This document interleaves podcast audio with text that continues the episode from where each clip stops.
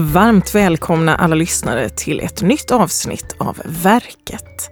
En podd om klassiker. Idag ska vi prata om Agnes von Krusenstjernas skandalomsusade roman Porten vid Johannes som kom ut 1934. Gäster i studion idag är litteraturforskarna Anna Williams och Hilda Jakobsson. Välkomna! Tack. Tack. Och jag tänker att det är roligare om ni presenterar er själva. Jag tycker vi går i bokstavsordning så får du börja Anna. Ja, jag är professor i litteraturvetenskap i Uppsala och jag har skrivit en biografi över Agnes von Krusenstjerna som heter Från verklighetens stränder. Och några år efter det så gav jag ut eh, hennes brev i en utgåva där det var både privata brev och eh, brev mellan henne och hennes förlag. Jättefint! Och Hilda, nu får du berätta vem du är. Ja, eh, jag skrev min eh, doktorsavhandling om eh, Krusenstjärna. Eh, och den kom då 2018. Eh, och den handlade om några andra verk än just eh, Palen-serien som vi ska prata om idag. Den handlade om Tony-trilogin och Krusenstjärnas första två romaner, Ninas dagbok och Helenas första kärlek. Och just nu så är jag postdoc i litteraturvetenskap och håller på med ett projekt om eh, August Strindberg och kärlek. Spännande! Då får du fortsätta lite tycker jag Hilda och berätta lite kort om den här romanen och romansviten som den faktiskt ingår i. Ja, eh, det här är då en eh, Krusenstjernas första riktigt långa eh, romanserie. Eh, den kom då eh, tidigt 30-tal. Och den kretsar kring två kvinnor, ehm, Petra och Angela von Palen. Och i början av serien så är Petra i sena 20-årsåldern, Angela är barn. De är släktingar och Angela är föräldralös, så Petra adopterar henne då.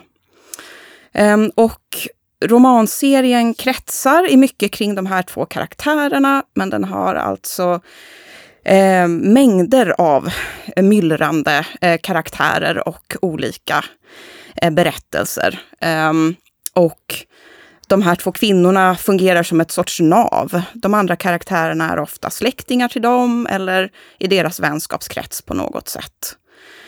Um, och till exempel så är ett viktigt tema Angelas uppväxt. Uh, hur hon går från flicka till kvinna, hur hon möter kärlek och sexualitet. Mm. Um, och romanserien slutar också med en skildring som brukar ses som utopisk. Då Angela och Petra och en mängd andra kvinnor från olika samhällsklasser, olika etniciteter och eh, sexualiteter som mm. då lever tillsammans på en herrgård i en sorts eh, kvinnoseparatistiskt eh, kollektiv, skulle man kunna säga. Det låter ju härligt. Jag tänker du kan också få berätta lite mer om den roman som vi ska prata om idag. Du kan också gärna få säga hur många delar det är den här romanserien, för det kan vara lite bra att veta. Ja, eh, det är då eh, sju delar. Och den roman vi ska prata om idag är då Porten vid Johannes. Eh, och det är den fjärde delen i den här serien. Men den består då av sju delar totalt. Hur långt har Angela och Petra kommit här nu i Porten vid Johannes i sina liv? Vad händer i romanen? Ja, eh, Petra är då eh, närmar sig mitten av 30-årsåldern. Angela är då i kring 20 eller lite knappt 20. Och Angela möter sin första stora kärlek kan man säga mm. i den här romanen.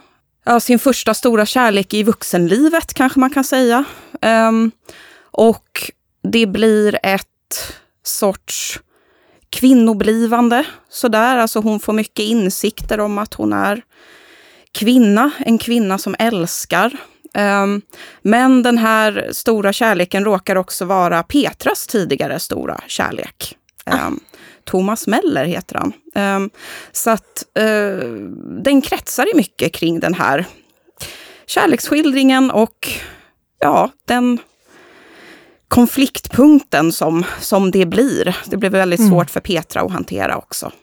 Och sen så finns det ju också en mängd andra karaktärer, släktingar, vänner av olika slag som då lever sina egna liv och det är mycket olika mm. myllrande handlingar skulle man kunna säga. Ja, och nu kanske lyssnarna undrar varför jag sa skandalomsusade i början, för det här låter ju ändå ganska harmlöst, men eh, så enkelt är det inte. Men innan vi så att säga grottar ner oss i detta så tänker jag att eh, Anna, är kul om du berättar lite om Agnes von Krusenstjerna. Ja, Agnes föddes 1894 i Växjö och sen flyttade hon ganska snart med sin familj till Visby och därefter till Gävle och det berodde på att hennes pappa arbetade inom det militära. Han blev chef vid Hälsinge regemente. Och när Agnes var i tonåren så flyttade familjen igen. Då gick hennes pappa i pension och då flyttade de till Stockholm och där bodde Agnes sedan resten av sitt liv förutom under vissa perioder när hon bodde utomlands eh, för att skriva. Hon debuterade 1917 med en bok som heter Ninas dagbok som man brukar räkna till flickboksgenren. Och sedan gav hon då ut under sin förhållandevis ganska korta mm. litterära karriär 17 romaner, en handfull novellsamlingar och en diktsamling. Så hon var produktiv. Ja, det får man säga. Och eh, i Bland hennes böcker ingick då tre stora sviter. Den första hette då Tonysviten, handlade om en ung flickas uppväxt. Den andra var Palensviten och slutligen så skrev hon då en ofullbordad svit på, i slutet av 30-talet som går under namnet Fattigadel. Mm. Och eh, man kan väl säga att hon egentligen fick i arv tre saker som verkligen blev avgörande för hennes liv. Och det första är det att hon föddes in i en adlig familj. Både hennes mamma och pappa kom från adliga släkter. Eh, det var en ganska konservativ uppväxtmiljö. Det viktigaste för en ung flicka var att så småningom ingå äktenskap och föra släkten vidare. Det ville inte Agnes. Agnes ville skriva, det visste hon ganska tidigt och det här skapade då konflikter på olika sätt mm. i hennes liv. Med hennes familj och, och, på annat sätt. Och det andra, det var att hon ärvde en konstnärlig begåvning. Det fanns många i hennes släkt som hade litterär begåvning och konstnärlig begåvning. Många som skrev och målade. Hon var dotter, dotter, dotter till exempel till den store historikern och författaren Erik Gustaf Geijer. Och det var hon mycket medveten om. Mm. Eh, och det nämnde hon också i brev och i olika kontakter mm. när hon försökte skapa sig sitt eh, kontaktnät i den litterära mm. världen. Så att det var betydelsefullt. Och eh, det tredje är då att hon också ärvde psykisk sjukdom. Mm. Redan i tonåren så började Agnes oroa sig för att hon inte var riktigt frisk. Det fanns flera i släkten som också blev sjuka. Och hon fick också då i tonåren de första symptomen på psykisk sjukdom. Det som vi idag kan kalla för manodepressivitet eller bipolär mm. sjukdom. Och det följde henne sen resten av livet och det blev en tung börda. Hon eh, var inlagd på det som då kallades för sinnessjukhus mm. i långa perioder både i Sverige och utomlands. Sen var det så att 1921 så gifte hon sig med David Sprengel. Han var en stridbar litteraturkritiker och också en förnämlig översättare, framförallt av fransk litteratur. Så han var, kände till kontinenten mycket och det var han som också tog med Agnes ut på många fantastiska resor till Italien och Grekland och, och Frankrike. Men det var också ett stormigt äktenskap. Båda var säkert inte så lätta att leva med och det var naturligtvis också så att det var svårt att leva med en mm. människa som Eh, hade så svår, så svår psykisk sjukdom som mm. Agnes von Krusenstjerna.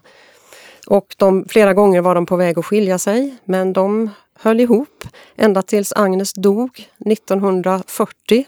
Då var hon 45 år gammal och hon dog i en cancersjukdom.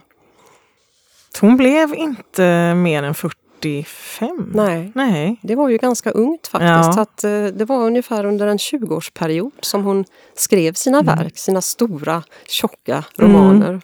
Ja, för det här är ju en, eh, en rejäl tegelsten till roman får vi säga.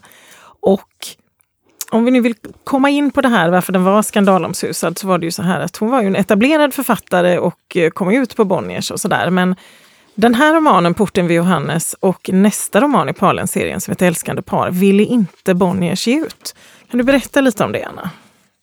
Bonniers ville inte ge ut den här romanen av några olika skäl. Och eh, det första var att eh, det var en alldeles för explicit eh, roman när det gällde erotiska skildringar och skildringar av sexualitet.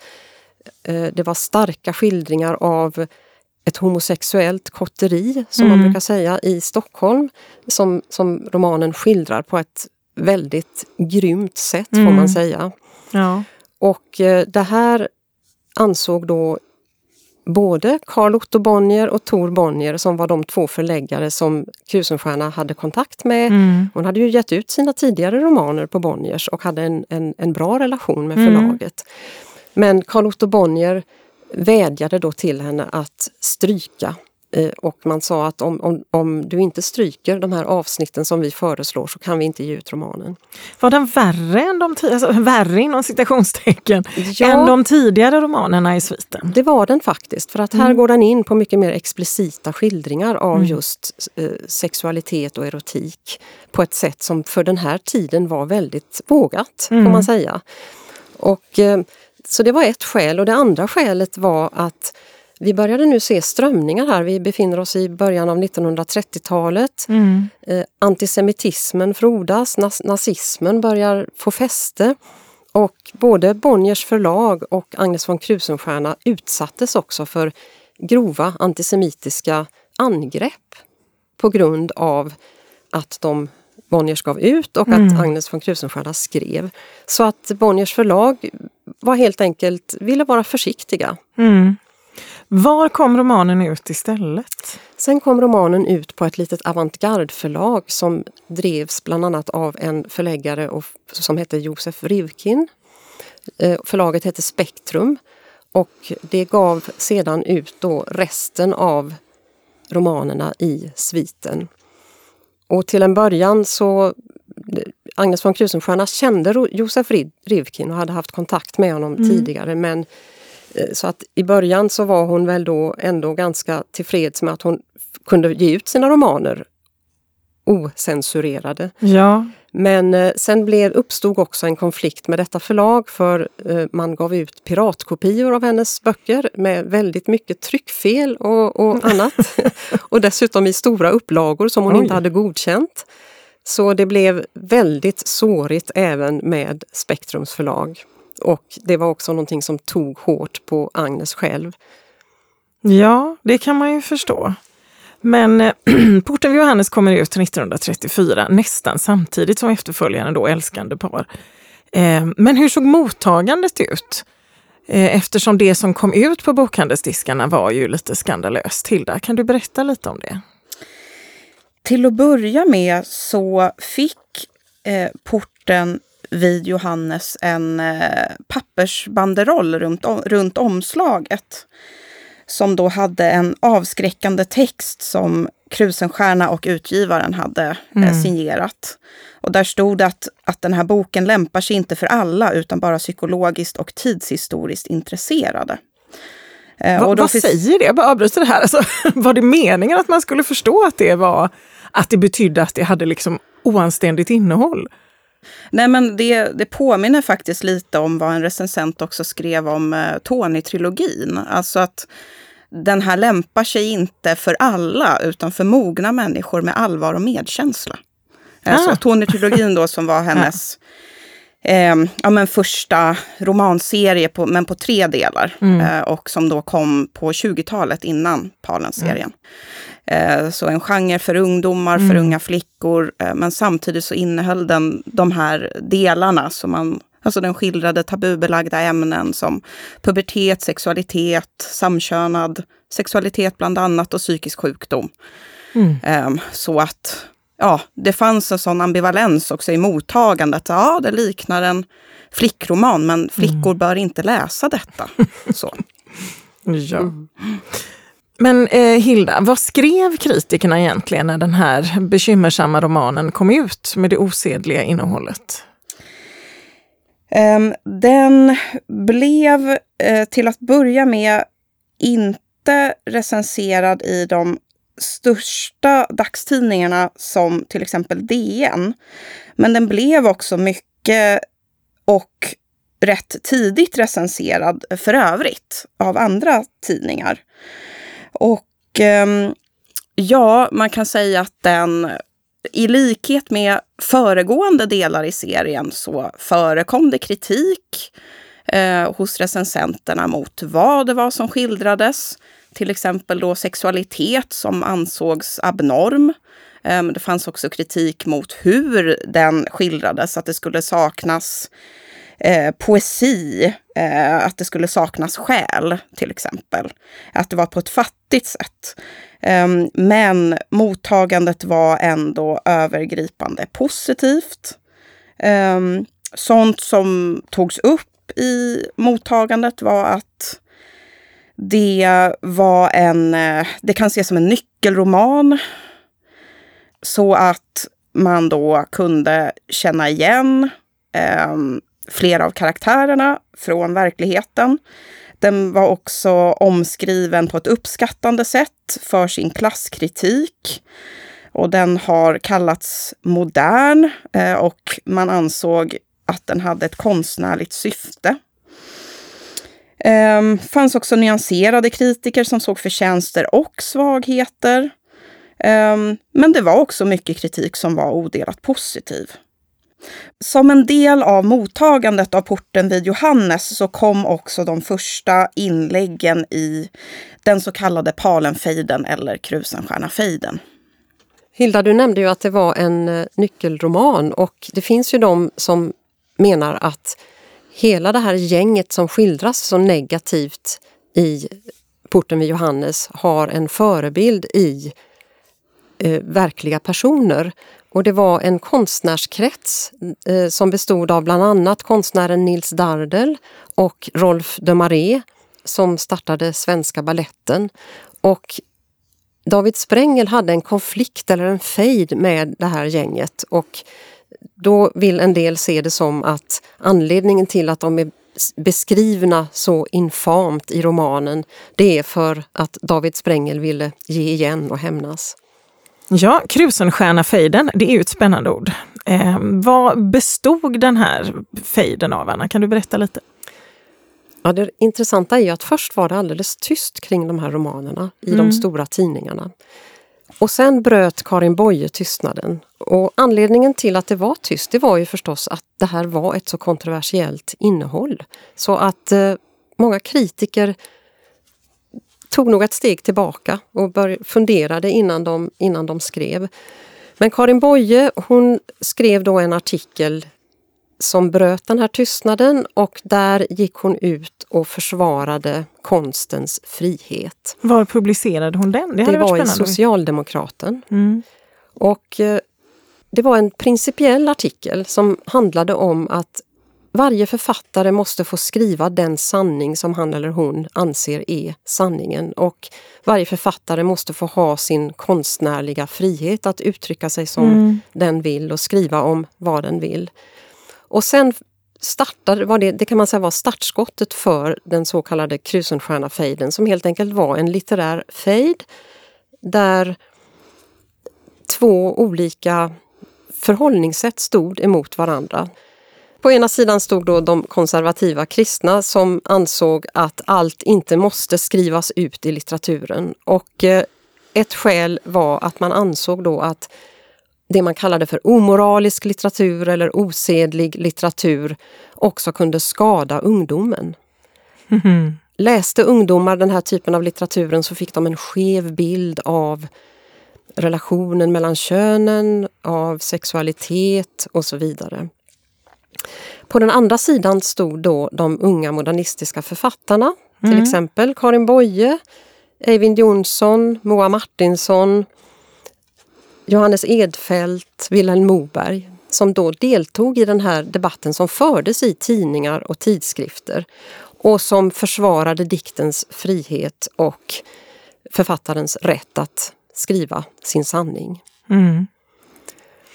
Landade den här fejden i någonting? Kan man säga att det blev något resultat av den? Ja, man kan säga att den ändå väckte den här frågan som ju var så viktig och den väckte den frågan just i en tid när också olika strömningar vill, ville faktiskt förbjuda mm. litteratur. Man började bränna böcker till exempel och eh, på så sätt tror jag att den var väldigt viktig för att frågan kom upp på bordet och synliggjordes. Och eh, det är ju också så att det har ju kommit litterära fejder under 1900-talet och kanske även senare mm. efter detta. Och nästan alltid så nämns då Palenfejden eller Krusenstjärnafejden mm. så att den var lite av ett, en, en, en, en urscen för de litterära moderna fejderna. Ja men det är ju fint. Så man kan inte säga att det var så att det blev ett öppnare klimat efter det här, att den, den ledde till någon slags, eh, att det var inte så att någon sida blev besegrad liksom. Ja, på sätt och vis kanske, därför att det var ju inte så att det stoppade författarna. Vi har flera Nej. exempel på författare som faktiskt skrev ganska explicit om sådana här frågor som man då ansåg osedliga eller omoraliska. Mm. Så på så sätt så, så kan man säga att den sidan kanske egentligen segrade. Mm. Jag tycker, vi, jag tycker vi säger att det blir så. Det är en mycket mer positiv, en positiv tolkning av det hela. Jag tänker att det vore kul Anna om du ville bara säga några ord om David Sprängel. För han hade ju en viktig roll i den här eh, fejden. David Sprängel var ju då eh, Agnes von Krusenstjernas man och de hade som sagt ett stormigt och besvärligt äktenskap som bland annat ledde till att Agnes bröt med sin egen familj till mm. stor sorg för henne själv. Så att det var mycket konflikter och mycket jobbigt. Men han var också då hennes absolut viktigaste promotor. Mm. Han hjälpte henne på väldigt många olika sätt för att eh, lansera hennes författarskap och han var stöttande. Och det har ju till och med visat sig att när det gäller Palensviten så skrev han ungefär en tiondel av texten. Mm. Det var ju Agnes som stod som författare så hon godkände ju detta men man kan se i sviten att vissa inslag har Davids Sprängels röst. Spännande. Hur kom det sig att han var med och skrev på romanerna? David Sprängel var ju väldigt uppmuntrande när det gällde att Krusenstjerna skulle skriva, som hon hade sagt i sin ungdom, för att uppröra borgerligheten.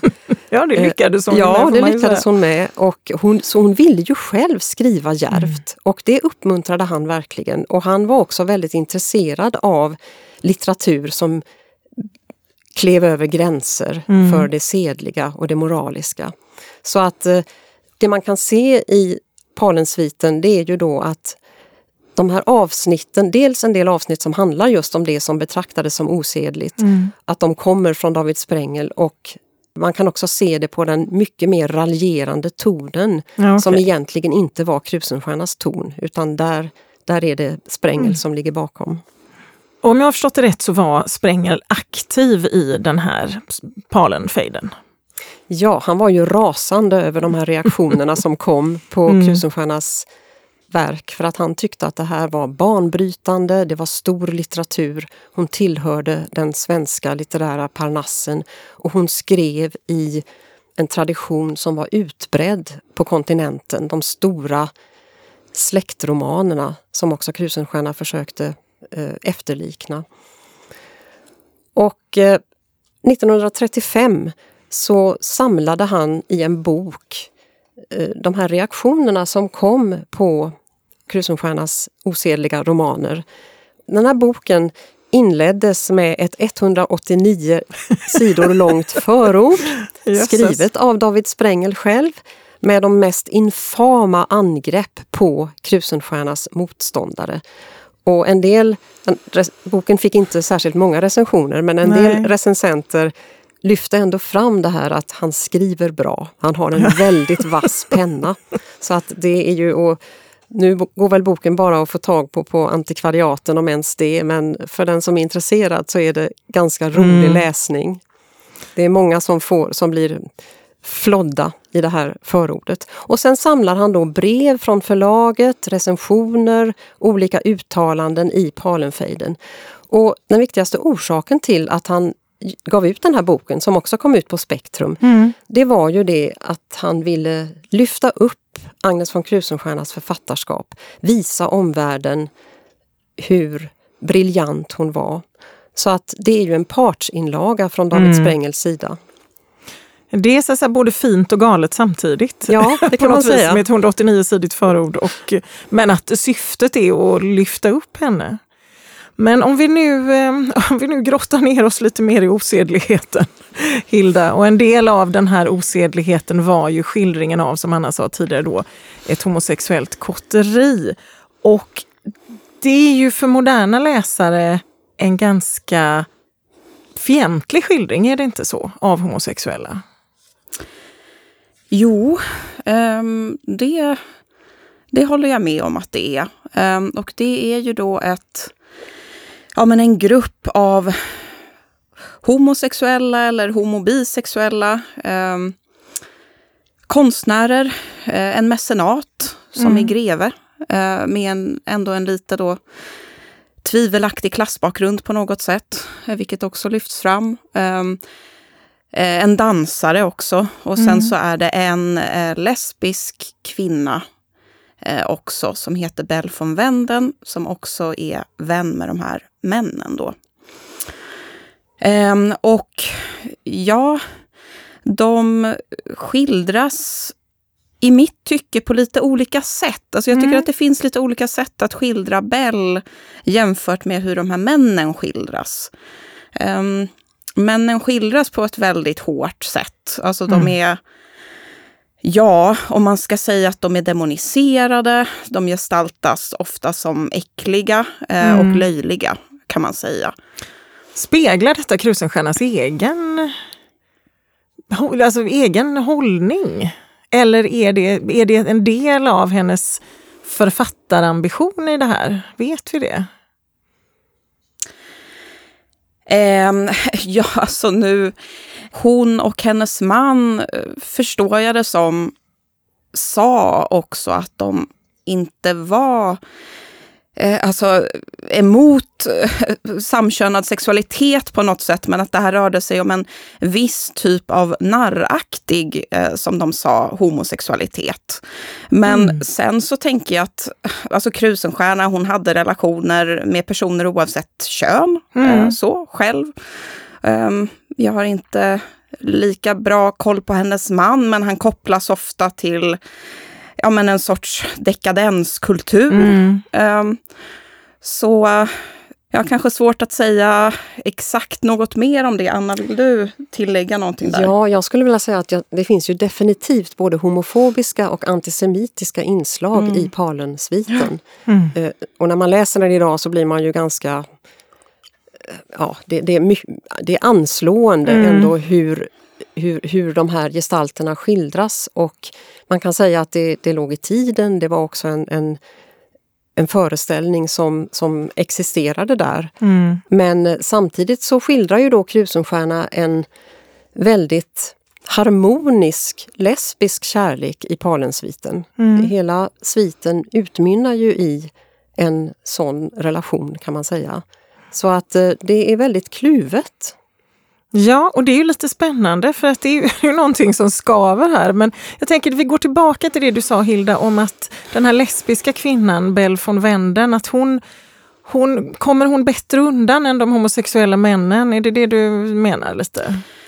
Ja, alltså det, det, så ser jag på det. Mm. Um, alltså, jag tycker att det finns en skillnad i hur Krusenstjerna gestaltar män och kvinnor, eh, också överlag. Mm. Och att Krusenstjernas texter har ofta ett större intresse för de kvinnliga karaktärerna än för de manliga. Och det finns många kvinnliga karaktärer i Palen-serien som också kan ses som demoniserade, som till exempel Bell eh, von Wenden då, som vi pratar om nu. Mm. Men det finns också en annan eh, heterosexuell karaktär som heter Adele, som mm. också går ett hemskt öde till mötes, men hon gestaltas på ett väldigt ofördelaktigt sätt. Mm. Men när Krusenstjerna skildrar de här kvinnorna så Ehm, så ger hon ofta deras eh, livshistoria eh, och berättar om hur de har ehm, ofta farit illa genom mm. livet. Gestaltar deras lidande eh, mm. på sätt som jag själv upplever är med medkänsla och medlidande ofta. Mm. Jag håller ehm. verkligen med om det. Mm. Och, och, det finns en slags solidaritet med kvinnorna som, som kommer fram just på det sätt som du säger, det här att man får lära känna deras livshistoria och att de blir beskrivna på ett mer komplext sätt. Mm. Finns det någon alltså, helt positivt skildrad samkönad relation? Ja, precis. Alltså så som, så som Anna var inne på mm. så, så finns det också en... Alltså den mest positiva kärleksrelationen kanske, mm. man skulle kunna säga i Palen-serien, är då mellan um, huvudpersonen Angela och en annan kvinna som heter Agda. Och Agda dyker tidigt upp i romanserien, men hon, hon har lite större plats i vissa böcker och lite mindre plats i andra böcker och så. Men i slutet så dyker hon upp och hon bor också då på den här herrgården, där det är det här, en typ av kollektivistisk mm. tillvaro mellan kvinnor då. Och hon och Angela har en eh, väldigt positivt skildrad kärleks och sexuell relation. Och deras Eh, deras sex till exempel beskrivs eh, med ett väldigt positivt bildspråk eh, från naturen. Alltså det är mycket om, om blommor och eh, fjärilar också, eh, vill jag minnas. Så mm. det, um, men då är vi längre fram i romansviten, så att säga. I porten vid Johannes så, så, har, så finns det kanske inte någon sån vackert skildrad samkönad kärlek.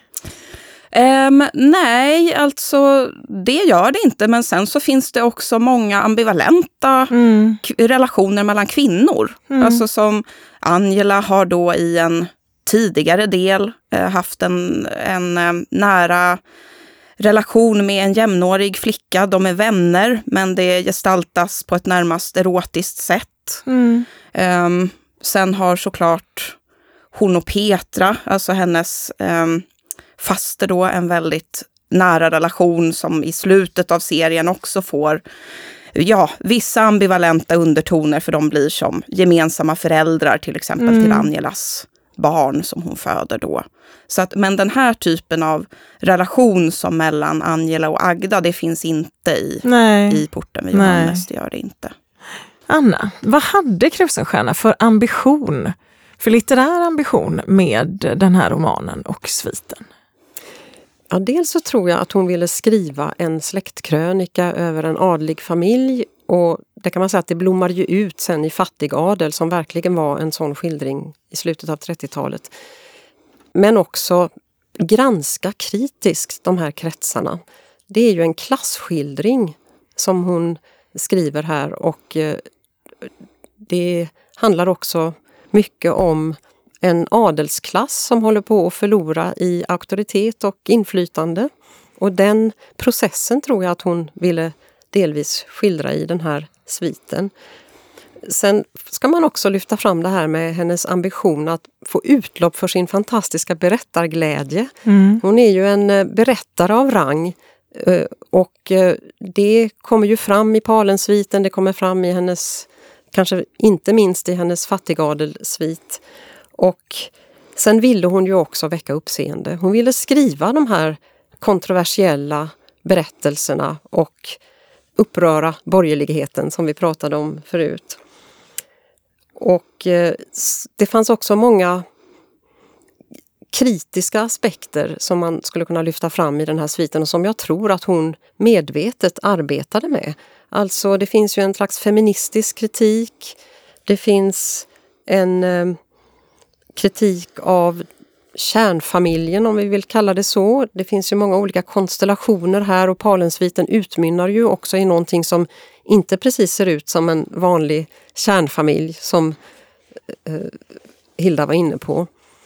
Mm. Det är svårt att komma med direkta citat som ger exempel på att det, är, att det var vågat för sin tid och sexuellt explicit. Men um, Därför att Krusenstjärnas berättarstil gör inte det så enkelt. Men Hilda, skulle man, skulle man läsa den här romanen idag och tycka att den var erotiskt utmanande eller vågad? Jag tänker att på vissa sätt skulle man nog kunna göra det. Alltså inte alla sex, sex och sexualitetsskildringar tänker jag inte skulle upplevas så. Men det finns ju också skildringar av sexualitet som kan anses tabubelagd även idag, eh, som sexualitet som erotiserar dominans och underordning till mm. exempel. Eh, ja, dyker upp i samspelet mellan olika karaktärer, ofta inte i liksom fullbordade sexskildringar, men kanske i repliker, i eh, fantasier eh, hos karaktärerna sådär. Alltså det kan förekomma en sorts lek med olika roller som konnoterar dominans och underordning till exempel. Så.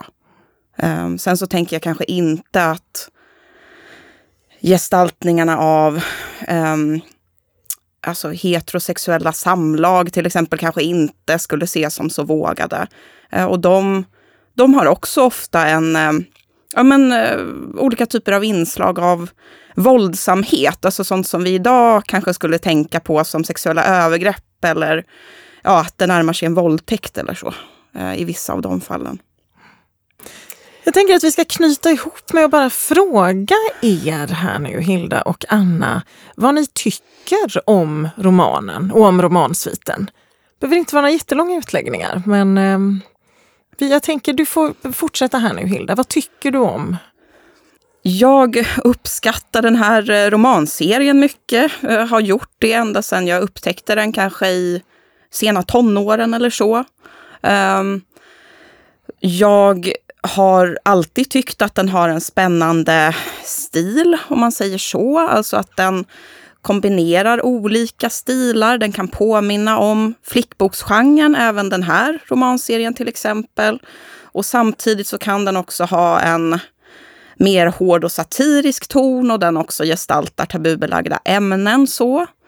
Just eh, porten vid Johannes, ja, alltså det, jag tycker att det är en spännande roman. Också för att den skildrar övergången från eh, ungdom till vuxen, eller en påbörjad sådan övergång för den här huvudpersonen eh, Angela. Ehm, sen så tycker jag också att skildringen av den lesbiska Belle von Wenden är väldigt spännande. Att hon är en spännande karaktär. Hon är demoniserad på många sätt samtidigt som hon är gestaltad med medkänsla och medlidande. Eh, hon har monstruösa drag, jämförs till exempel med en vampyr med Medusa. Ehm, hon kan också läsas som en lesbisk fam. alltså hon har ett väldigt feminint könsuttryck. Hon har eh, knallröda läppar, blonderat hår och gestaltas som vacker. Eh, samtidigt så har hon också Eh, androgyna drag till sin personlighet och sitt sätt skildras det som. Alltså att hon jämförs med en man eh, ibland. Så. Eh, I Palen-serien så skulle jag säga att min favoritdel är eh, den andra delen, Kvinnogatan.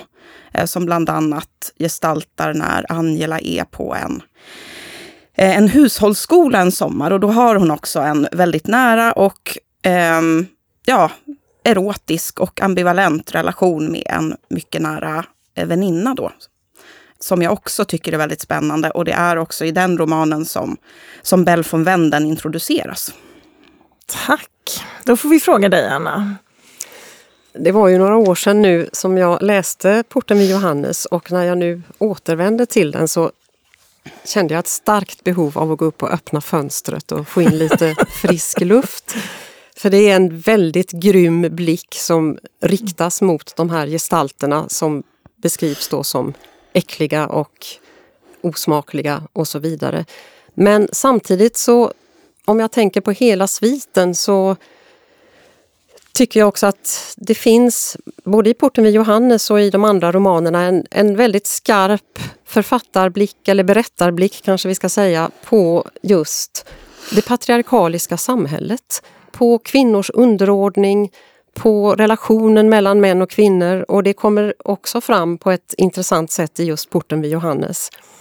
Och jag håller med, jag tycker Kvinnogatan är kanske den mest intressanta. Jag tycker också om Av samma blod, den sista delen. Men just i Kvinnogatan skildras ju också precis den här komplicerade relationen mellan män och kvinnor och eh, kvinnors underordning och hela sviten säger ju på något sätt att det finns fortfarande inte riktigt plats för kvinnorna i samhället som det ser ut idag. Jo, men eh, apropå det, det du säger Anna, så jag, jag slogs verkligen också av det här alltså hårda tonläget. Alltså där är väldigt uppenbart antisemitiskt och homofobiskt. Mm. Eh, så det var något som gjorde stort intryck på mig idag när jag återkom till den här romanen.